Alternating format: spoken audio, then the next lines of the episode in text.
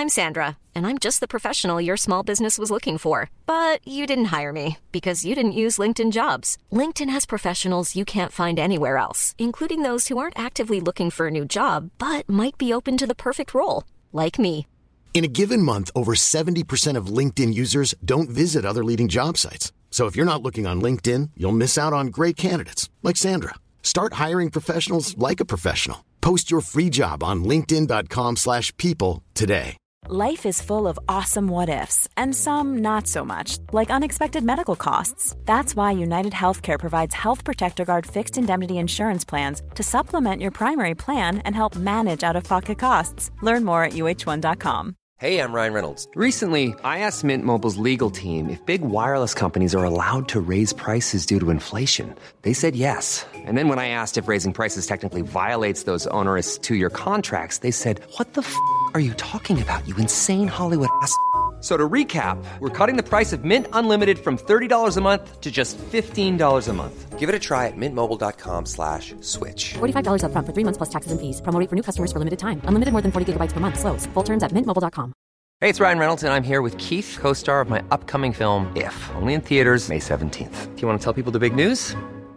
All right, I'll do. it. Sign up now and you'll get unlimited for $15 a month and six months of Paramount Plus Essential Plan on us. Mintmobile.com slash switch. Upfront payment of $45 equivalent to $15 per month. Unlimited over 40 gigabytes per month. Face lower speeds. Videos at 480p. Active Mint customers by 531.24 get six months of Paramount Plus Essential Plan. Auto renews after six months. Offer ends May 31st, 2024. Separate Paramount Plus registration required. Terms and conditions apply if rated PG.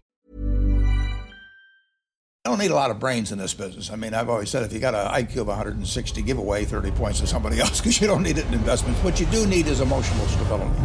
Wow. Very first tech IPO, and it's a big one. Stock market hit an all-time record high today. A crash is coming. Now, whether it's six months from now, 12 months, 36 months, no one knows. There's a bear market about every five years. We've gone eight years without one. People have to realize this is the biggest IPO ever. Hej och välkommen till ett nytt turbulent avsnitt av Market Makers. Hör du Fabian, eh, har du några rena kalsonger kvar? Dow Jones, more like Down Jones, am I right guys?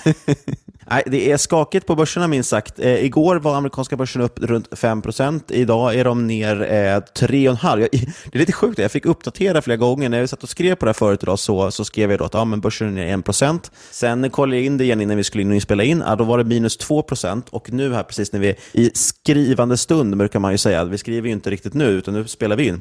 Eh, men då är det ner 3,5% på de amerikanska indexen. Och detta trots en räntesänkning. Men vi kommer att återvända till det, eller hur? Mysig volla. Verkligen, Det är lite helt- kul ändå. Jag tycker typ det här är roligare än vad 2019 var. Ja, men faktiskt. Det är lite skojigt det ändå när det händer någonting. Det är klart, det är, något, något ska man få för att man förlorar massa pengar. Då ska man i alla fall få lite, lite underhållning. Men vi kommer såklart prata väldigt mycket om det här. Och eh, som ni vet, vi spelar ju in på tisdagar. Det är tisdagen den 3 mars. Jag förstår att folk kommer tycka att det är irriterande att det är två dagar däremellan. Men helt ärligt, sak, så mycket händer inte på två dagar. Visst, vissa kortsiktiga saker, men det långsiktiga perspektivet be, behålls. Eh, men vi kommer såklart beröra nedgången väldigt mycket. Vi kommer beröra vollan, vi kommer beröra makro och så vidare. Och ge vår syn helt enkelt, lite hur vi gör. Men framförallt kanske både hur corona kan påverka, men också hur generellt den ekonomiska situationen ser ut. Innan vi gör det, så kommer vi bränna av några snabba saker. Eh, och vi vill såklart också nämna att vi inte håller på med någon rådgivning eller rekommendation. Du ska alltid, alltid göra din egen analys. Vi kommer bara dela med oss om hur vi tänker, kanske ge lite inspiration, tankar för hur du själv sen kan ta dig vidare och göra dina egna finansiella val. Eller hur? Absolut, lyssna inte på en kille i en hoodie och en annan kille som sitter i en t-shirt. det vet ju inte de att vi gör. Vi skulle lika gärna kunna sitta nakna. Så lita inte på någon som sitter naken och spelar in podcast kan jag säga. Eller? Det är jävligt fan eh, big dick energy alltså. Jag hörde om ett sånt knep någon gång. Eh, någon journalist som satt, eh, han brukade klä av sig naken när han skulle göra telefonintervjuer eh, för att känna att han hade en form av övertag mot den kändisen han intervjuade. Då kändes det liksom som att han var i en power position. Det där kan man säkert bli anmäld för nu för tiden alltså. Men nu kör vi igång.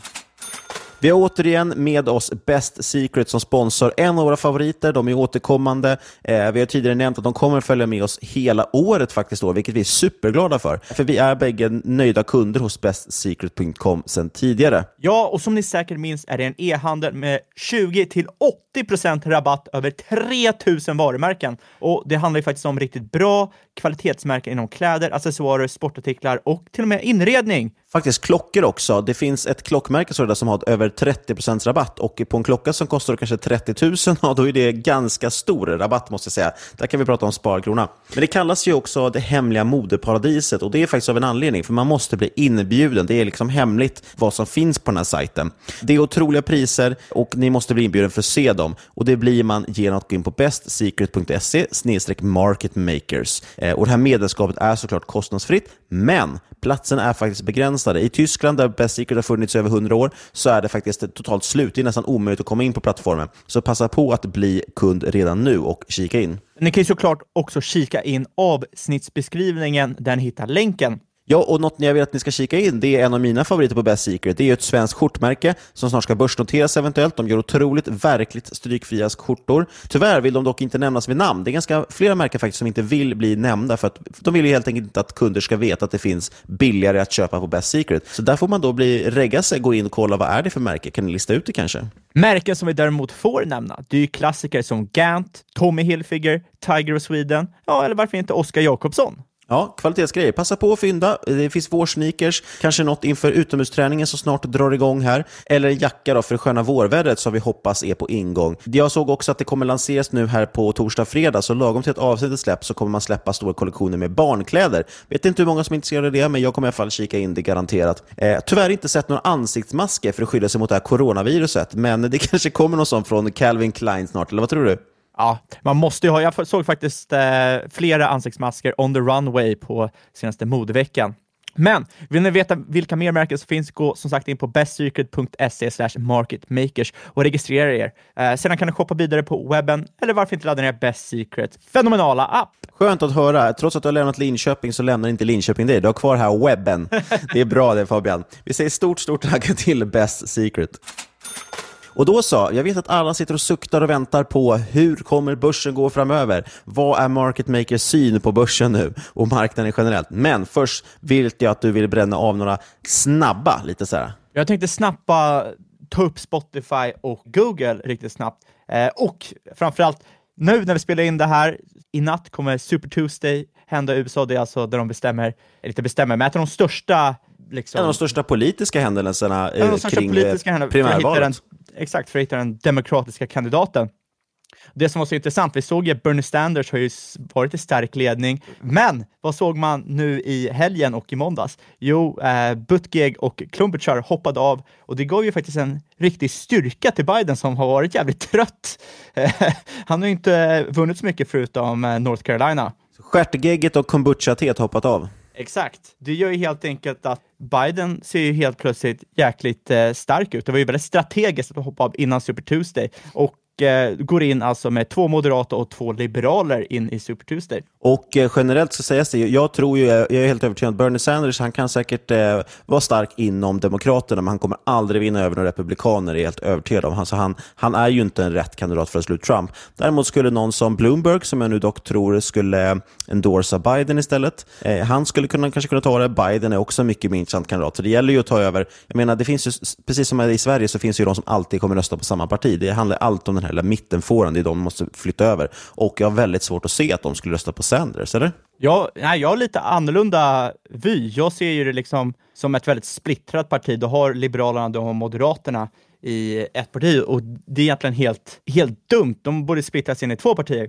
Framförallt tror jag inte Bloomberg skulle ha någon chans mot Trump, för jag tror att det skulle leda till att så många demokrater inte skulle gå och rösta, för att de är så starkt emot just det här Trump-grejen, att någon ska kunna eh, komma i stort sett betala sig in i eh, presidentskapet. Han har ju sagt att han ska lägga eh, en miljard dollar bara på att bli Demokraternas eh, kandidat. Och det kan jämföras med typ Bernie Sanders rekorddonationer eh, som ligger på typ 30 miljoner i månaden eller någonting. Helt enkelt, han kan ju outspenda alla och på något sätt så förstör ju det lite den demokratiska processen. Så att eh, jag tror faktiskt mer i så fall på att Bernie Sanders har en större chans att slå Trump än vad Bloomberg har.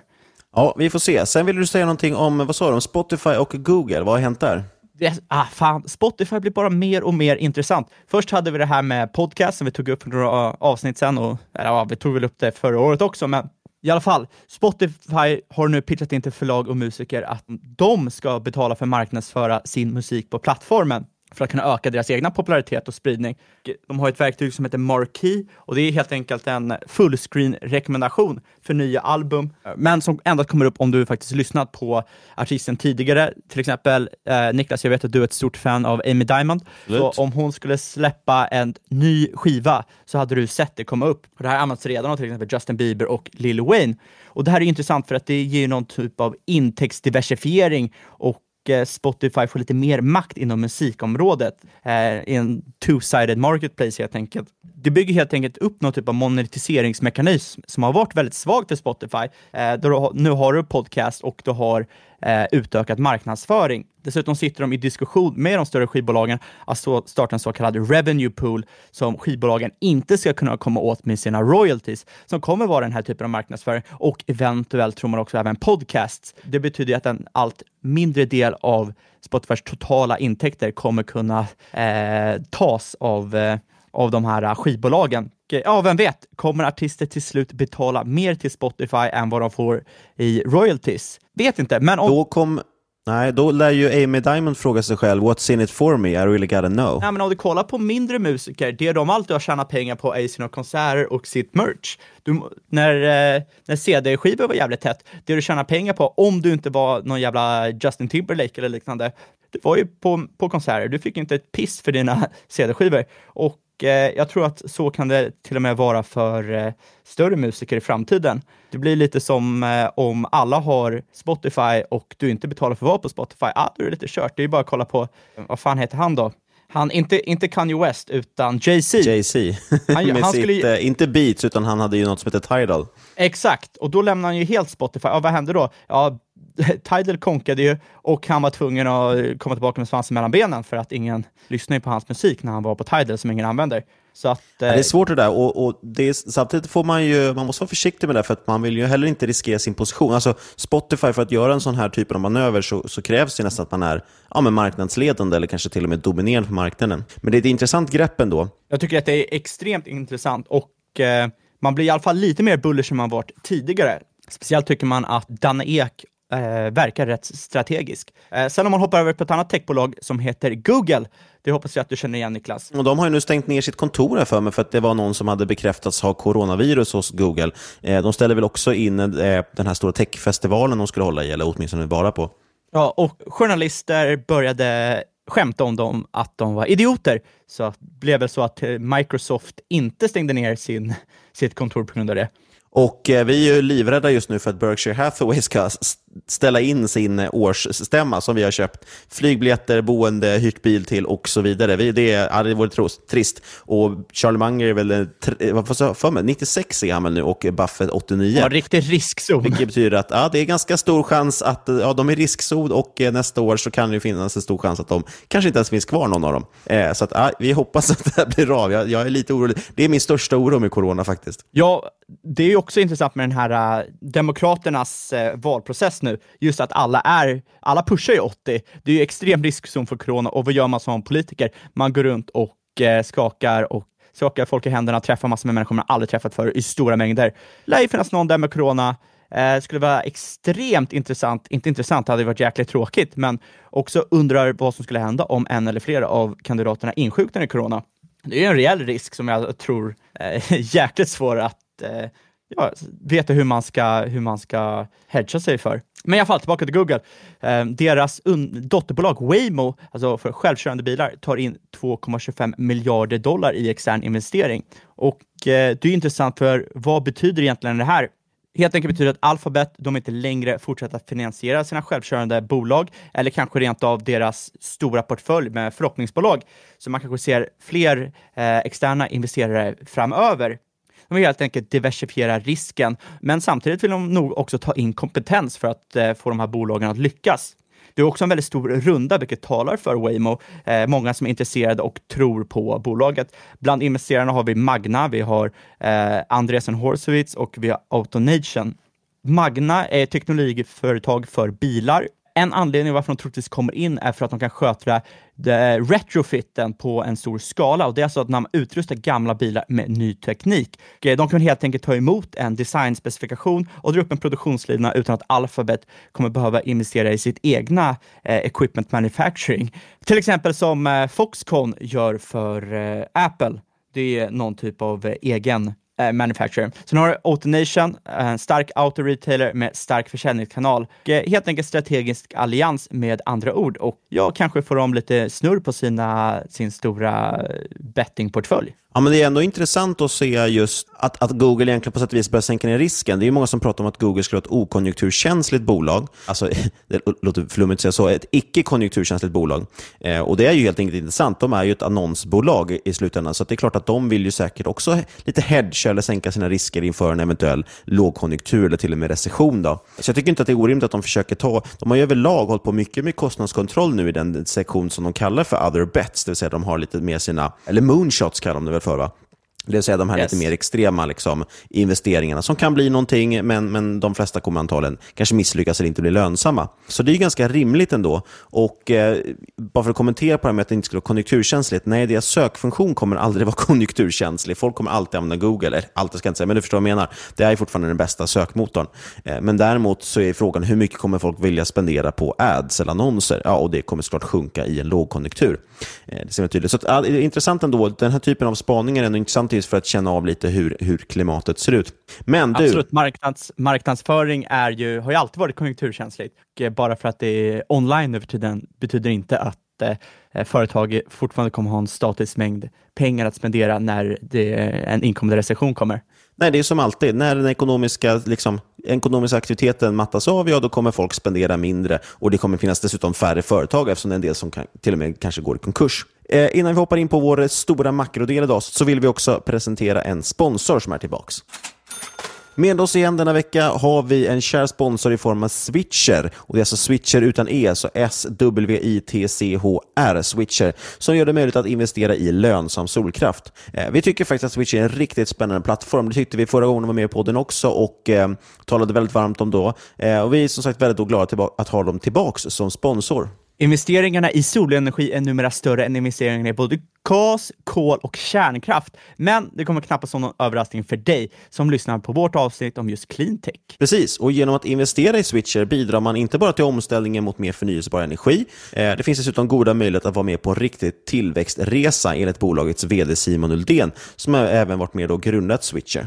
Man genomför just nu en finansieringsrunda för att ta in nytt kapital och givetvis ska det utnyttjas offensivt för att kunna expandera verksamheten. Fokus nummer ett är att öka det egna beståndet av solparker. Precis. Bolagets huvudsakliga produkt är dock plattformen vi nämnde i tidigare avsnitt, där, man, där privata investerare kan bli delägare i kommersiella, lönsamma solcellsparker. Eh, och man investerar nu dessutom, eh, förutom att köpa upp till gamla solcellsparker som man gör mer effektiva och tjänar pengar på, så satsar man nu också på att börja bygga egna från scratch. Via den här mobilappen då som man har till plattformen kan man till och med följa elproduktionen live, se massa spännande fakta kring hur det påverkar både miljön och din investering. Jag tycker man ska kika in den, för den är jädrigt, eh, den är snygggjord alltså, och, och, och kul så att man kan se sin investering investeringar leva på ett annat sätt. Och jag tänker att även om, eh, till skillnad från börsen som kan gå både upp och ner, så kommer det alltid här få en, en så att säga, positiv effekt i form av mindre koldioxidutsläpp och så. Så här kan du alltid ha glädje när du tittar in i appen. Och det känns ju skönt, till skillnad från våra kära nätmäklare. Ja, och för att läsa mer om Switcher, deras plattform och hur du kan investera i bolaget, besök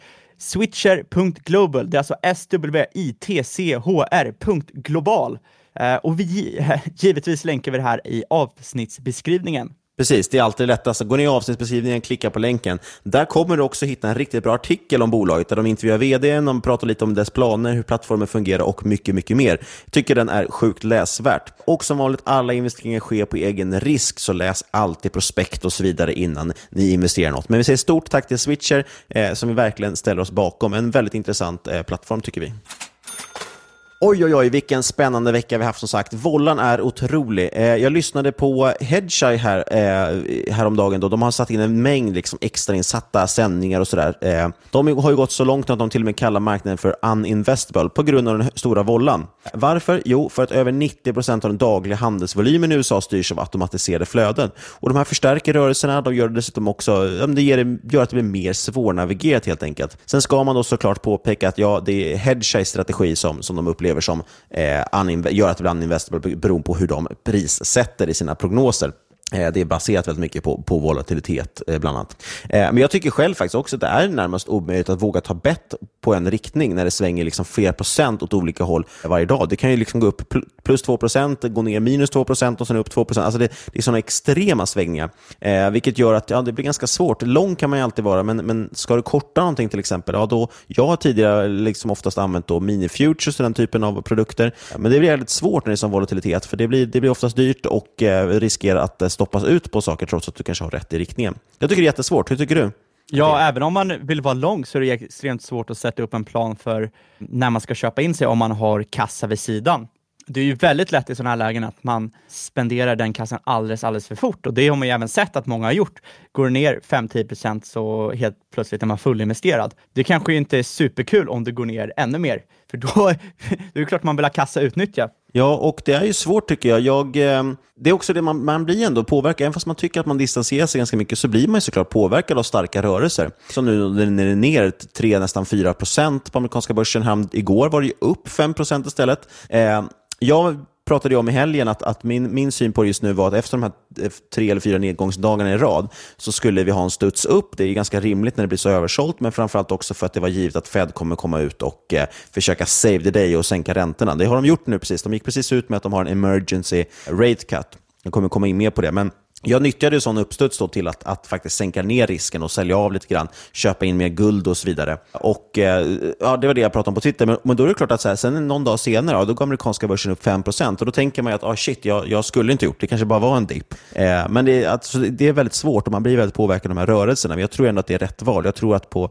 att det här var ett bra säljläge faktiskt. Eh, det... Generellt ska man nog nyttja de här studsarna till, till att sälja just nu. Det jag tycker är jäkligt intressant, det är att det, det ställer ju en verkligen mot väggen i eh, i liksom vilken conviction man har i sina case. Jag menar, mina största case, då är jag inte alls skakig eller liksom orolig. Sen har jag några mindre case och då har det blivit så här, ah shit, vet jag tillräckligt mycket om de här? Så sitter man och, det är, en, det är en jäkligt dålig känsla, för det visar ju att eh, man kanske var lite snabb på bollen i vissa mm. case. Det, känner... det har ju lett till att jag också har skalat av lite, inte mina större, stora case, de är, ligger oberörda, men lite de mindre casen eh, för att eh, utöka kassan lite. Och det är säkert många som tycker att jag är dum i huvudet som gör det. Men eh, jag gör som Hedgeye säger, sell the highs. Nej, men jag, jag, håller med om det helt och hållet. Jag har också rensat framförallt bland mindre innehav. Mycket också för att, som jag pratat om, nu, att jag har haft en hel del momentum-case och ja, momentumet har ju tappats i många av de casen och några där är väldigt tydligt kanske konjunkturkänsliga också. Så jag har rensat ner, men, men behållit en del saker som jag, precis som du tycker, är som jag skulle vilja äga i alla fall. Vilket betyder att det bygger på fundamental analys, du tycker värderingen ser aptitlig ut, ja, blir det billigare då så är det bara ännu billigare. Och framförallt är det bolag som jag tror inte kommer påverkas nämnvärt av eh, egentligen, ja, men varken kanske en konjunkturnedgång, men framförallt inte corona. Ja, men sen är det också många som säger att man inte ska handla på makro, för det gör bara idioter. Men vi ska faktiskt gå in senare på avsnittet och förklara varför väldigt många bolag kan, kommer påverkas rent fundamentalt. Ja, makro är ju det som guidar så att säga det fundamentala som kommer ske. Så jag, jag, jag, vet inte, jag tycker att det där är lite knepigt. Däremot så ska man väldigt sällan handla på makro i ett, kanske man ska säga ett kortsiktigt perspektiv. Det säga att det kommer det, jag, jag, tror många blandar ihop det där. De pratar liksom att ah, det, de tror liksom att ah, det kommer en ny PMI-siffra från Kina och då ska man köpa eller sälja på grund av den. Det är inte riktigt så det funkar. Det handlar om att bygga en backdrop som guider den i hur man tror bolagen kommer gå, det vill säga hur du ska lägga dina prognoser. Eh, om du ser väldigt tydliga På tal om PMI-siffra från Kina, vad var rekordlåg. Ja, men, men Kina å andra sidan ser väl ut att kanske kunna bottna då och vända här nu. Det, det, jag menar, så mycket mörkare kan det inte bli nu. Men min poäng i alla fall är att har du en backdrop i form av makro, det vill säga att du har top-down-perspektiv, om du nu föredrar det, då hjälper det dig med dina prognoser. För ser du tydligt att det är recessionssignaler och det är mycket som pekar på att det är en ekonomisk avmattning, ja då kanske man inte, då kanske inte den där, liksom, det där låga P talet på industribolaget är så himla intressant som du trodde först. Eh, så man måste ändå tänka på vad man har för prognoser framåt. Och generellt ska tilläggas att, att Wall Street och, och, generellt kring analytiker är oftast lite för bullish. Heter det. Eh, eller inte alltid, när det går ner så är de andra brukar bli för bearish. De, de brukar följa strömmen helt enkelt väldigt mycket. Men som sagt, Fed sänkte räntan nu i USA. Eh, dessutom stoppade, gjorde de en rekordstor eh, injektion in i, i repomarknaden. Det här har vi varit inne på och prat, pratat om förut. Australiens centralbank var faktiskt den första ut att sänka eh, och flera centralbanker kommer nog att följa med det här med, med största sannolikhet. Jag såg att G7 hade något möte kring coronaviruset. Det, det, kommer, det kommer komma fler lättnader helt enkelt.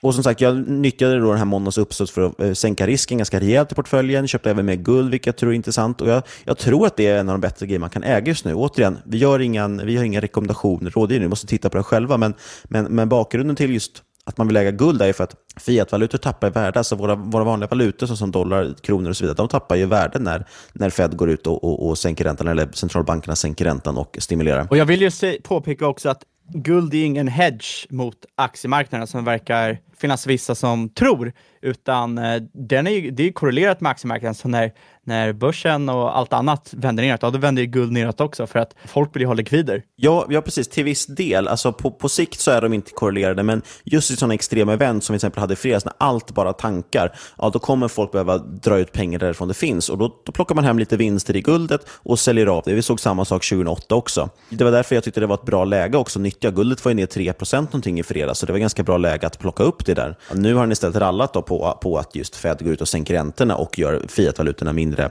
värda. Eh, men förutom guld, även amerikanska räntor i sig har ju varit intressanta. Eh, men där kanske man är lite sen på bollen nu och framförallt tycker jag att det är svårt som svensk investerare att få exponering mot det. Men de har ju gått ner väldigt mycket och amerikanska tioåringen handlas faktiskt idag för första gången någonsin under 1%. Och vi har en inverterad yieldkurva, jag får mig att en månaders räntan ligger på typ 1,5 eller någonting. Och Jag vet inte hur du känner Fabian, men jag ser i alla fall fram emot den dagen jag börjar få betalt för mina bolån. När Ingves ska ha liksom, minus 10% ränta och bankerna ger negativa bolån. Ja, jag ser fram emot det. Det är väl enda, enda sättet världen kommer kunna komma ifrån det här skuldberget. eh, nej, men så det, det, är extremt kraftiga rörelser och det är svårt att hålla koll. Det är stora divergenser upplever jag också mellan amerikanska och europeiska marknader. Till exempel svenska börsen gjorde en rejäl studs upp idag. Eh, den var ju uppe någonstans 2-3% plus. Alltså det är tisdagen 3 mars kan jag tillägga då också, så, så tar vi det tydligt igen. Eh, USA dock ner på det här räntebeskedet, eh, medan Sverige studsade på räntebeskedet. Inte så konstigt egentligen att det är ner på en räntesänkning dock. Eh, Många av, jag har ju också pratat om det här med likviditeten och det funkar så länge det funkar. Men i slutändan handlar en räntesänkning om att ekonomin inte ser så bra ut. Det handlar ju om att försöka stoppa recession eller stoppa ekonomisk skada, vilket gör att när räntesänkningen kommer, då är det ändå många som, man brukar få lite kortsiktigt rally, men det handlar också om att väldigt många tror att oj shit, om de nu verkligen sänker, då betyder det att det är illa. Eh, så ja, man ska och... vara lite försiktig med det där och tro att, att Fed ska kunna rädda marknaden. Det har de aldrig lyckats med förr. Nej, exakt, jag tycker inte man ska se en paniksänkning som ett bra tecken, vilket det här... Nej, och, och därför återigen, det är så jädra bra det där klassiska sägningen om att eh, buy the rumors, sell the news. Det funkar varje gång. Man kö det gick ju upp på eh, ryktena om en, en sänkning. Folk prisade in, eller marknaden prisade in en hundraprocentig chans till en sänkning från Fed och de fick ju då rätt också. Vilket gjorde att börsen gick upp på det. Sen när det faktiskt kommer, det vill säga the news kommer, ja, då säljer man. Eh, då går det ner. Så generellt funkar alltså ryktena ska man köpa på och när det faktiskt sker, ja, då brukar det faktiskt reagera negativt. Eh, och som du säger, det, det blir väldigt tydligt när man säger på det sättet också, en paniksänkning ja, ordet panik är ju sällan någonting som inger hopp. Ja, och jag har för övrigt också fått en hel del mothugg här såg jag på Twitter om att nedgången nu den är minsann normal eftersom marknaden gick upp 4-5% igår.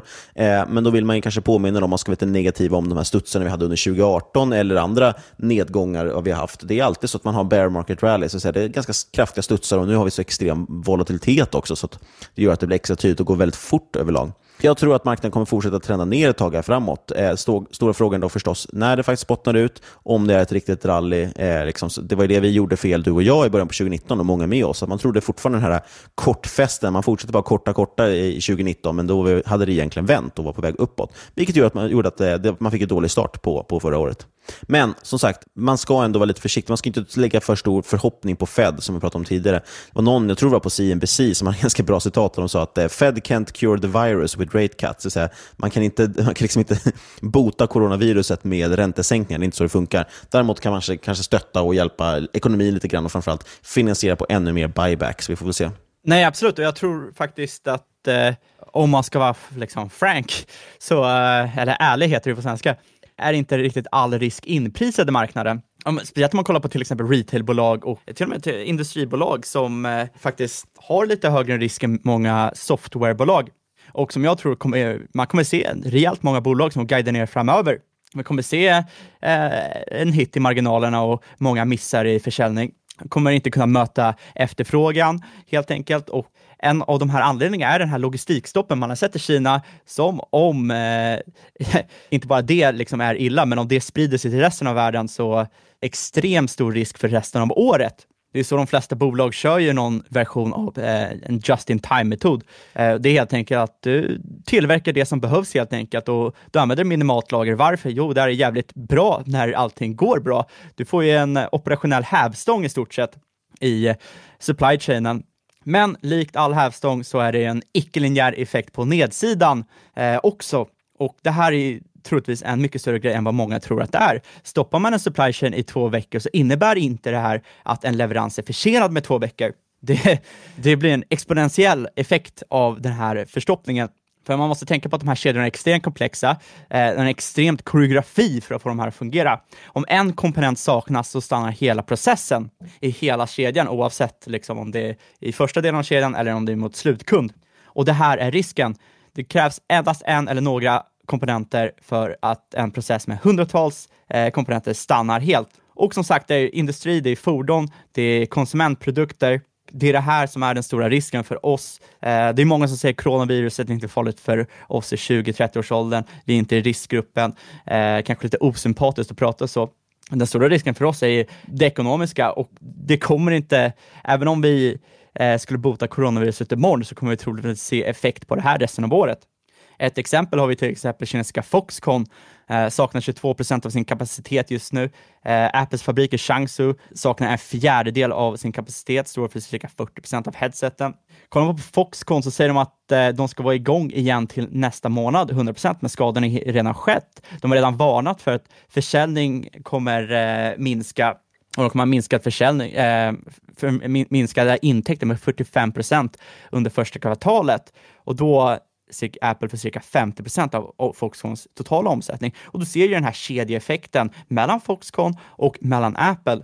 Det är viktigt att påpeka att det här är två väldigt kvalitativa bolag. Även Foxconn, som får mycket skit i väst, är en av de bästa slash eh, mest kvalitativa tillverkarna i Kina att välja bland. De betalar väldigt bra och för att vara Kina har de faktiskt väldigt bra eh, arbetsförhållanden.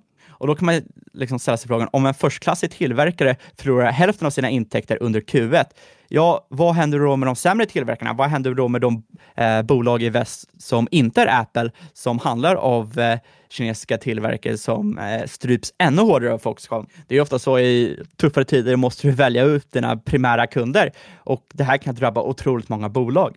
Och helt enkelt beror det här på hur länge corona får härja. Jag läste några Harvard-epidemiologister, alltså folk som forskar inom sjukdomar och skit, eh, som trodde att 40-70% av jordens befolkning skulle drabbas. Det är bullish. Det är jävligt bullish och eh, även om det här är extremt för bullish, även om liksom 99,9 av det här är liksom en otroligt mild smittning, så det är extremt svårt att stimulera sig ifrån. Och eh, ja, den här Fed-sänkningen som vi pratade om, 50 baspunkter, det är, det är ingen som tog emot det väl kan ju nämna det, Sean George, som jag för övrigt har, jag tror att vi har bokat in honom till podden, men en, en bit fram här nu under våren. Han la ut på Twitter här om senaste gången Fed har varit ute i panikräntesänkningar som gjort nu. Då kan jag bara rabbla några datum här. Det var oktober 1998, då hade vi eh, Rysslands eh, problem.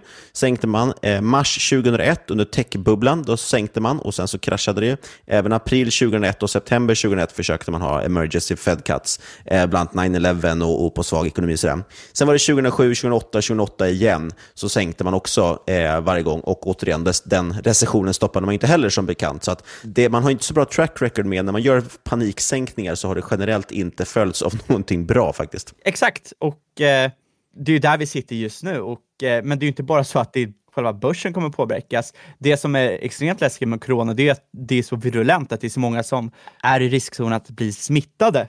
Och Eh, det som händer då när så många blir smittade, det blir nästan som en D-dosattack på sjukhus. De blir helt överväldigade. Eh, speciellt nu när man ser att cirka 20 procent av alla fallen är tillräckligt illa. Inte så att de är i risk av att eh, dö, men de är, det är tillräckligt illa så att de måste åka in på sjukhus. Och eh, risken med övriga, överväldiga sjukhus, det är att ja, man kanske skulle kunna ta hand om alla coronapatienter om det hade varit i isolerat. Men det är det ju inte. Man måste ju tänka på att det här lägger ju ovanpå alla andra som redan är sjuka eller som kommer bli sjuka. Likt supply chainen så blir det någon typ av ripple-effekt genom hela samhället. Så även om corona skulle ha extremt låg, liksom lägre dödlighet än vad man redan trott, så innebär det ju en risk för alla andra som inte har corona, men som har andra typer av sjukdomar. Ja, det där lät ju jävligt bäsigt, men det, det... Men, men, det är ändå bra. Jag, jag, förstår att många kommer säkert sitta och irritera sig för att vi nu är en del av det här som sprider då panik kring något som en del då säger bara är en vanlig influensa, vilket inte stämmer riktigt. Eh, men eh, vi kan se förbi corona, vi kan släppa den biten. Vi, vi kommer liksom ta oss igenom det såklart, precis som allting annat. Eh, men det som vi, man glömmer bort och som egentligen corona är liksom någon form av inkörsport, en gateway liksom in till att inse att det handlar inte bara om coronaviruset eller handel handelskriget som det var, det var ju den senaste sån här triggern. Nedgången beror ju framförallt på att den ekonomiska cykeln, eh, vi är ju i slutet av den helt enkelt. Vi har en lågkonjunktur på ingång, kanske det är en recession. Eh, det coronaviruset gör, ja, delvis öppnar det ögonen för folk, det kommer kanske det flyttar fram den lite i tiden och framförallt kanske gör den djupare. Men man har haft väldigt fullt fokus på det här, vilket gör att man, eh, precis som förra nedgången, då stirrar man sig blind på handelskriget, gör att man missar det som verkligen spelar roll. Eh, och det är snarare då eh, liksom att ekonomin är ganska svag. Vi behöver få en, någon form av lite reset på det här, liksom, att verkligen bottna ur det så vi kan börja gasa igen. Titta till exempel på Italien, ja, de har ju haft liksom nu massa coronafall och så vidare, men deras ekonomi är ju förfärlig. Det var den redan innan också, oavsett viruset. Och viruset kommer göra det sämre, men det var illa enligt, liksom innan och det är ingen nyhet. I Sverige tror jag faktiskt vi kommer klara oss bättre, både för att vår ekonomi mår rätt bra, men tittar man globalt liksom, så är det nu ganska viktigt att hitta bolag eller sektorer som faktiskt presterar och mår bra trots att konjunkturcykeln sjunger på sista versen. Så fundera inte bara på corona i, i hela tiden. Det är väldigt, väldigt fokus på en enda sak. Det är för att media framförallt är väldigt enkelspåriga. Försök tänka bredare och då har vi faktiskt också en ekonomisk avmattning vi kanske ska ta hänsyn till. Men som vanligt finns det inga enkla svar. Absolut, men om man kommer tillbaka till det här om man har lite med att ha lite cash på sidlinjen. Och man brukar ju säga liksom att eh, över tid så är det ju alltid bäst att vara fullinvesterad. Men jag tycker ändå i sådana här tillfällen kan det vara bra att ha, sätta upp liksom punkter där du köper in dig på istället för att smälla vid första bästa nedgång. Ja, de som dippköpte på 2% ner, de har ju förlorat ganska mycket mer på det. De skulle ju ha väntat lite grann och, och haft Absolut. så, så tydliga nedgångar. Och framförallt om vi ser då den här eh, hypotesen att det kommer komma in vinstvarningar i Q1, men framförallt mot senare delen av året med Q2 och Q3, eh, då kommer vi se bolag falla ännu eh, längre ner, förutsatt inte att eh, stimulanserna inte får fart på marknaden. Och då är man nog jäkligt tacksam att man har lite cash. För att det är ju ändå så att fundamenten här kommer ju återhämta sig. Bolagen kommer ju inte för, all, för, vara fördärvade för alltid. Och, och, förhoppningsvis går det ganska fort. Det gjorde det ju senast. Alltså man får ganska utrensning. Det är det väl, om man nu ska se något positivt ekonomiskt med coronaviruset, det är att det ganska fort kan flasha ut systemet lite. Och framförallt tror jag många kanske kommer nyttja viruset för att, att skylla på det, för att ta lite nedskrivningar och, och, och sänka lite guidance och så. Så man kan någonstans göra lite ett omtag på det. Ja, det såg man ju redan på några retailbolag som Eh, Ralph Lauren och eh, Canada Goose tror jag att det var, att de eh, guidar ner ungefär dubbelt så mycket som skulle kunna vara legit med, med tanke på coronaviruset. Ja, men det är ju ganska smart egentligen, passa på när det ändå är sånt otroligt bäs och fokus på det. Då kan man ju liksom bara smyga in de andra liksom dåliga nyheterna på sidan av. Men sen som sagt, jag, jag vill bara återkomma till det här med, med avmattning, att om ni inte tror på det. S&P 500, det har för mig att vi har nämnt tidigare, de, de har ju levererat, bolagen där har levererat ungefär 0% vinsttillväxt year over year. Tar man bort Utility som är det enda som har presterat svagt, som brukar gå svagt just när den ekonomiska eh, cykeln är på sista versen. Gav 20% vinsttillväxt, så tar du bort dem, ja, då är det faktiskt på en negativ territorium. Då var det någon då som poängterade när jag skrev någonting om det, att eh, vill man vara lite positiv kan man just att rensa för skatteeffekten som en del har gjort. Eh, då skulle man ligga på två, plus 2 för året. Ja, visst, 2% per år är positivt, men det är, du måste jämföra det med att börs, amerikanska börsen gick upp runt 30% förra året, eh, medan vinsterna bara steg då alltså 2% i best case-scenariot. Eh, så det är ganska svagt. Eh, samtidigt har vi ett cykliskt justerat PE, eller chiller PE som man kan kalla det också, ligger på närmare 30 kan man jämföra med historiska intervallet, eller historiska snittet på ungefär 15. Så det är svårt att säga att det är billigt nu. Det är svårt att säga, speciellt om man då kommer börja justera ner prognoser så blir det här P talet ännu lägre. Eller ännu högre, förlåt. Men svaret på det här då, bara för att vara liksom ändå, man kanske kan fråga sig, ska vi sälja allt eller gå kort? Inte nödvändigtvis det som är det kloka, det finns inga enkla svar. Allt vi, vi vill poängtera att någonstans så kan det vara klokt att sänka risken. Och framförallt tycker jag man kanske ska tänka på att eh, har man liksom ett, vi, vi kommer ta oss igenom det här. Jag såg John Molden gick ut med ett, ett rätt bra nyhetsbrev också om att prata om att ja, så, som vanligt så kommer vi ta oss igenom det här och någon gång kommer det vända, precis som du också säger Fabian. Vi kanske har en eller två kvartal i värsta fall framför oss och sen förhoppningsvis börjar vi få en återhämtning igen. Så för en kortsiktig, ja visst, då kan det vara klokt kanske att dra ner lite på risk, diversifiera in i guld eller vad man nu vill göra. För en långsiktig investering borde de här kortsiktiga rörelserna inte spela någon särskilt stor roll. Så avvik inte från den plan du har, det är det viktigaste. Tänk på vilken strategi du hade innan eh, och fullfölj den helt enkelt. Eh, är, det, är det att bara vara långsiktig månadsspara? ja, passa på att göra det. Har du kassor sidlinjen, gör som, kanske gör som Fabian säger, då, att titta efter fasta nivåer. Ja, vid 10% och lägg in hälften, vid 20% och lägg in resten. Förhoppningsvis har vi inte 2008-2009 igen, där det gick ner liksom 90% i något bolag och sådär. Kan nämnas bara, folk har ju ändå haft lite panik. Förra veckan sålde retail-investerare i USA, de sålde fonder för runt 20 miljarder dollar. Det låter ju väldigt mycket, men betänk då att i slutet av 2018 sålde man hela 70 miljarder dollar, så det finns stort utrymme att fortsätta sälja antagligen. Eh, På tal om att retail-investerare säljer, jag såg idag att eh, den populära retail-appen Robinhood låg nere hela dagen. Mm, jag såg det. Jag har för mig att den gjorde det typ igår också. Eh, så att de som kortade terminer därifrån, de hade det inte så kul igår, men kanske roligare idag, jag vet inte. Det där är inte okej okay. och jag ser jättemånga nu också på Twitter som klagar på både Avanza och Nordnet. Eh, jag har inte varit inne så mycket och hållit på och handlat, så att för mig har det inte spelat någon roll. Men det är, men det är helt förfärligt det... att det inte ska fungera när man måste få det Nej, funka. När, när det är som viktigast och som störst rörelse, det är då det måste fungera som mest. Och det spelar faktiskt ingen roll då att folk sitter och... För folk sitter ju och uppdaterar, uppdaterar, uppdaterar och det sker mycket transaktioner. Jag såg att eh, Niklas Andersson la ut att Avanza hade eh, deras courtagenoter, tror jag, liksom, eller courtageintäkter hade ökat typ 100% eller något under de här dagarna. Det är klart att det sker mycket och det belastar, men fast vi lever i en värld där allting är moln, eh, molnbaserat, eh, vi har liksom infrastruktur as a service och så vidare, så att det ska bara kunna skala helt linjärt. Du ska inte ens märka av att det kommer in mer. De har helt enkelt flaskhalsar de måste få bort och jag, jag, tycker det är skit rent ut sagt. Det ska inte vara så. Eh, folk förlorar ju faktiskt pengar på att affärer inte går att stänga. Ska man gå in på något ännu värre så är det ju då liksom det market makers som sitter i de här olika certifikaten och turbovaranter och allt vad det är, eh, som bara lämnar marknaden. Så fort det blir för mycket volla, då går, kliver de ur och då stängs ju hela plattformen. Det har ju en effekt av, eh, shit, nu tappade jag namnet, Mifid 2 som de tog, tog in för ett tag sedan. Det säga, då kan du inte stänga mot andra investerare, utan då, då stängs hela instrumentet ner, vilket gör också att folk då kan bli utstoppade, förlorar massvis med pengar. Så det, det, det, det är kalabalik på börsen, men det ska faktiskt inte påverka de här typen av saker som borde vara helt automatiserade. Nu, någonting mer positivt. Om man vill vara lång någonting, vad tycker vi kan vara intressant att kika på? Vi tidigare pratade lite om rates, men rates har gått upp ganska mycket redan nu, så frågan är om det är mest intressant att gå in i. Däremot tror jag då kanske man kan titta på fastighetsaktier i Sverige. Eh, jag såg bland annat att Erik Hansén på IG, han gick ut och pratade om både Castellum och Wallenstam. Eh, även de här Corem och de tycker jag kan vara intressant att kika på. De är rätt översålda överlag, fastighetsaktierna. De hade ju ett bra rally nu i, i, i slutet på 2019 eh, och sen har det backat rätt rejält och eh, det är faktiskt ett av, ett av de företag en av de företag som borde gynnas av lägre räntor till exempel. Absolut, superrätt vid lägre räntor. Och guld har vi tjatat om, det, det ska vi inte tjata mer om. Eh, däremot vet jag att jag får alltid, så fort jag pratar om guld, så får jag massa frågor om vad köper du för guldprodukter. Eh, vi kan inte ge några rekommendationer eller någonting så, men jag kan bara nämna liksom, om, om man nu vill titta på det. Jag använder Avanza för, i huvudsak eh, och där finns det de produkter som heter Guld Ava, alltså AVA, helt för Avanza. Jag tycker den funkar om man nu nöjer sig med pappersguld. Det är såklart aldrig det säkraste och det finns säkert problem med den produkten, men den är helt okej. Okay. Eh, det kan man kika på. Så finns det även en del ETF och så om man vill ha fysisk guld, eh, fast i pappersform. Då någon slags mellanting där. Eh, sen det här är lite kul då, just som sagt guld gillar vi eh, till viss del, vi fastighetsaktier kanske är intressant. Och jag gjorde ju en uppdatering nu med vår fondstrategi, den här momentumstrategin vi har pratat om och som vi även haft investerarfysiker in och pratat om. Och eh, den stämmer rätt väl överens med vad den eh, liksom rekommenderar, eller vad man ska säga just nu.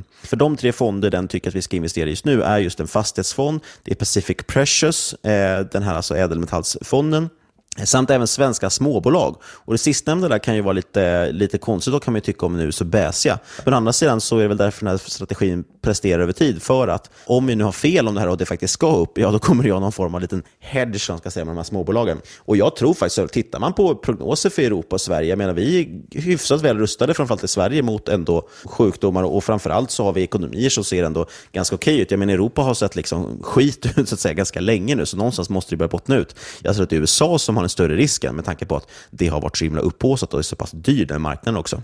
Så, det var en lång rant. Ja, det var en extremt lång rant. Ja.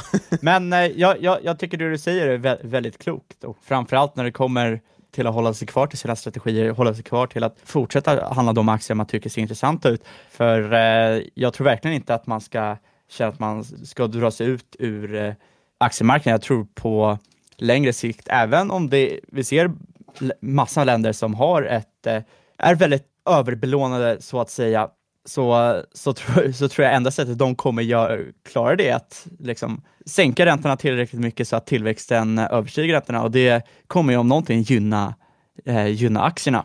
Ja, och troligtvis kommer centralbanken ut och stimulerar mycket, då brukar vi få tillgångsinflation, vilket alltså betyder ökade aktiepriser bland annat. Alltså någonstans, jag, tror precis som du säger, men det är alltid dumt, det, det är dumt att stå helt utanför över, över tid i alla fall, över lång tid. Och framförallt tror jag att jag vill jag verkligen uppmana igen till att så här, gå, frångå inte den strategi ni har om ni har en tydlig strategi. Om ni inte har det så är det dags att ta det. Ta helg, nästa helg på er och verkligen sitta och fundera igenom hur, hur ni egentligen vill investera. För det, det värsta man kan göra är alltid att drabbas av panik och det är väldigt lätt att ryckas med det här på Twitter eh, till exempel och, och tidningsrubriker och så. Och, eh, det, ingen, det, finns ingen anledning att ha panik egentligen. Så det, det, är klart att det, vi kommer alltid ha kvartal när det går sämre och bet, bättre eller sämre på börsen. Eh, och vi vill jag också påpeka, vi vill inte verka för negativa. Samtidigt kan jag tycka att med tanke på hur bullish eh, liksom, det mesta är hela tiden, för vi har ju en viss bias mot att vara positiva generellt som människor. Det är mycket, liksom, se till att allt, ska alltid vara 100% investerade aktier, det ska alltid vara långsiktigt, köp dippen och så vidare. och så vidare. Kanske då kan ändå kan vara bra att ha ett inslag av lite pessimism och negativitet, eller liksom ändå belysa riskerna ibland också, så att man får någon form av kontring till det. Så kanske man ändå gör lite mindre dåliga beslut. Jag såg till exempel någon här som hade belånat huset för att köpa vad heter den då? Target Everyone, den ska vi döpa, döpa namnet till Spectre One, som är en riktig skitaktie, eh, som drivs av, av en sekt, sektledare som för övrigt gav, mig, gav, mig på, gav sig på mig för att jag försökte förklara för en, en investerare vad teckningsrätt var. Då fick jag personliga hot och, och lite sådana härliga saker. Så att, eh, jag tycker i alla fall att man, man kanske Jo, nu tappade jag tråden för att jag började tänka på det. Jag fick meddelande av en som hade eh, belånat huset i alla fall för att investera i den aktien. Och nu hade ju den fallit väldigt mycket då, så att han hade problem med hur ska jag göra med huset, hur ska jag berätta för min familj och så vidare. Gör inte sådana dumma grejer. Försök ändå att förstå ändå att det finns risker med aktier. Trots att de har gått upp nu typ tio år så finns det faktiskt fortfarande möjlighet att aktier går ner också. Det är det vi ser ett bevis på just nu. Det påminner mig om alla, man såg jättemånga artiklar eh, när bitcoin vad var det, typ oktober, november, när bitcoin-rallyt 2017 gick som starkast. Ja, jag har sålt mitt hus, eh, barnen älskar att leva utan leksaker och leva i bilen. för att om några år kommer vi, jag vet inte, ha en egen ö. Undrar hur det gick för de familjerna nu glöm aldrig det att det finns faktiskt en risk. Det finns en anledning till att det finns den här disclaimers i poddar som våran. Det finns en anledning till att det alltid pratas om att liksom, det, det, det, är ändå en högre risk i aktier. Och på tid förhoppningsvis så ska väl börsen gå upp. Det är det alla hoppas och tror. Någonstans ska väl inte tillväxten ta slut förhoppningsvis. Eh, då har vi andra problem. Men eh, det finns alltid en risk. Det finns en risk att det går ner och det kan gå ner väldigt fort. Så att, eh, jobba inte med för mycket belåning och, och ta hela tiden hänsyn till det och ha en tydlig strategi. Risk comes fast, som man säger. Och med det är det väl på sin plats kanske att dra våran disclaimer så ni vet vad som gäller. Ja, inget du har hört i den här podcasten ska ses som rådgivning. Alla åsikter är våra egna eller vår gäst och eventuella sponsorer tar inget ansvar för det som sägs i podden. Så är det, och tänk på att alla investeringar är förknippade med risk och sker under eget ansvar. Och apropå sponsorer, vi har ju med oss två härliga sponssamarbeten den här veckan. Delvis är det Best Secret, det hemliga modeparadiset med otroliga rabatter på över 3000 varumärken. Den får ni inte missa helt enkelt. Är ni inte redan medlemmar så gå in på bestsecret.com snedstreck marketmakers, förlåt, bestsecret.se tror jag att det är, snedstreck market makers. Det ligger en länk här nedanför, gå in på den bara så är det enkelt. Det finns otroliga varumärken där och till otroliga priser. Eh, sen vill vi också som sagt eh, tacka igen eh, Switcher att de är tillbaka. Switcher.global, det ligger en länk till det också förstås. Det är ett sätt att investera i, eh, i solenergi helt enkelt, göra någonting gott, göra Greta glad samtidigt som man tjänar pengar. Det är ju win-win. Eh, gå in och kika på dem. Delvis så kan man då investera via plattformen i olika solcellsparker, men man gör också själva nu en eh, resekapital helt enkelt för att kunna köpa mer solceller plattformen. Så det här kan vara ett intressant sätt att göra gott samtidigt som man förhoppningsvis kan få en bra avkastning. Men återigen, apropå disclaimer, alla investeringar sker förstås på egen risk. Se till att läsa på där innan ni köper någonting. Har ni några frågor om någonting? Oss, exakt, vill du kontakta oss kan du skicka brevduva till eh, eller på Twitter, at marketmakerspod.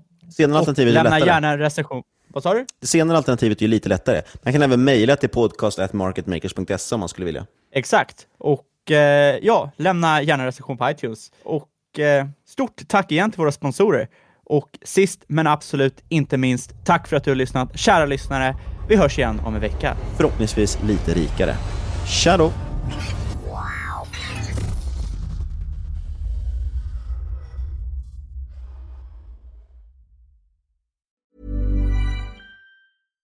Ready to pop the question? The jewelers at BlueNile.com have got sparkle down to a science with beautiful lab grown diamonds worthy of your most brilliant moments. Their lab grown diamonds are independently graded and guaranteed identical to natural diamonds, and they're ready to ship to your door. Go to BlueNile.com and use promo code LISTEN to get $50 off your purchase of $500 or more. That's code LISTEN at BlueNile.com for $50 off. BlueNile.com code LISTEN.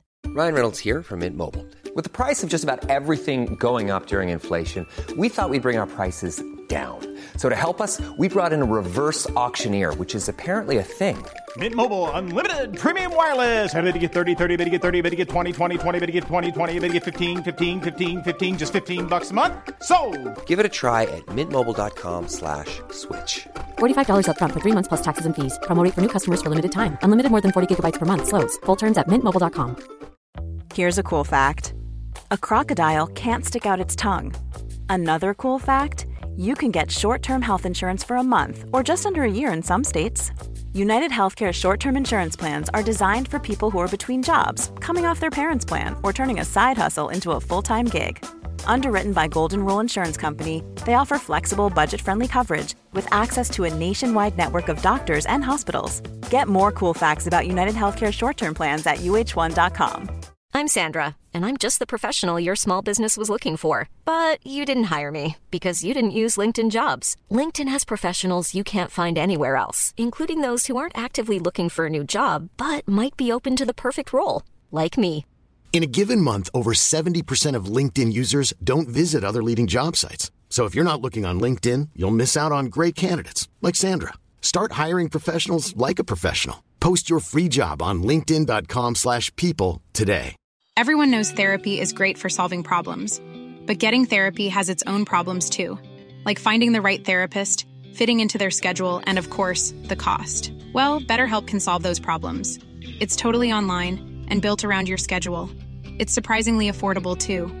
Connect with a credentialed therapist by phone, video, or online chat, all from the comfort of your home. Visit betterhelp.com to learn more and save 10% on your first month. That's BetterHelp H E L P.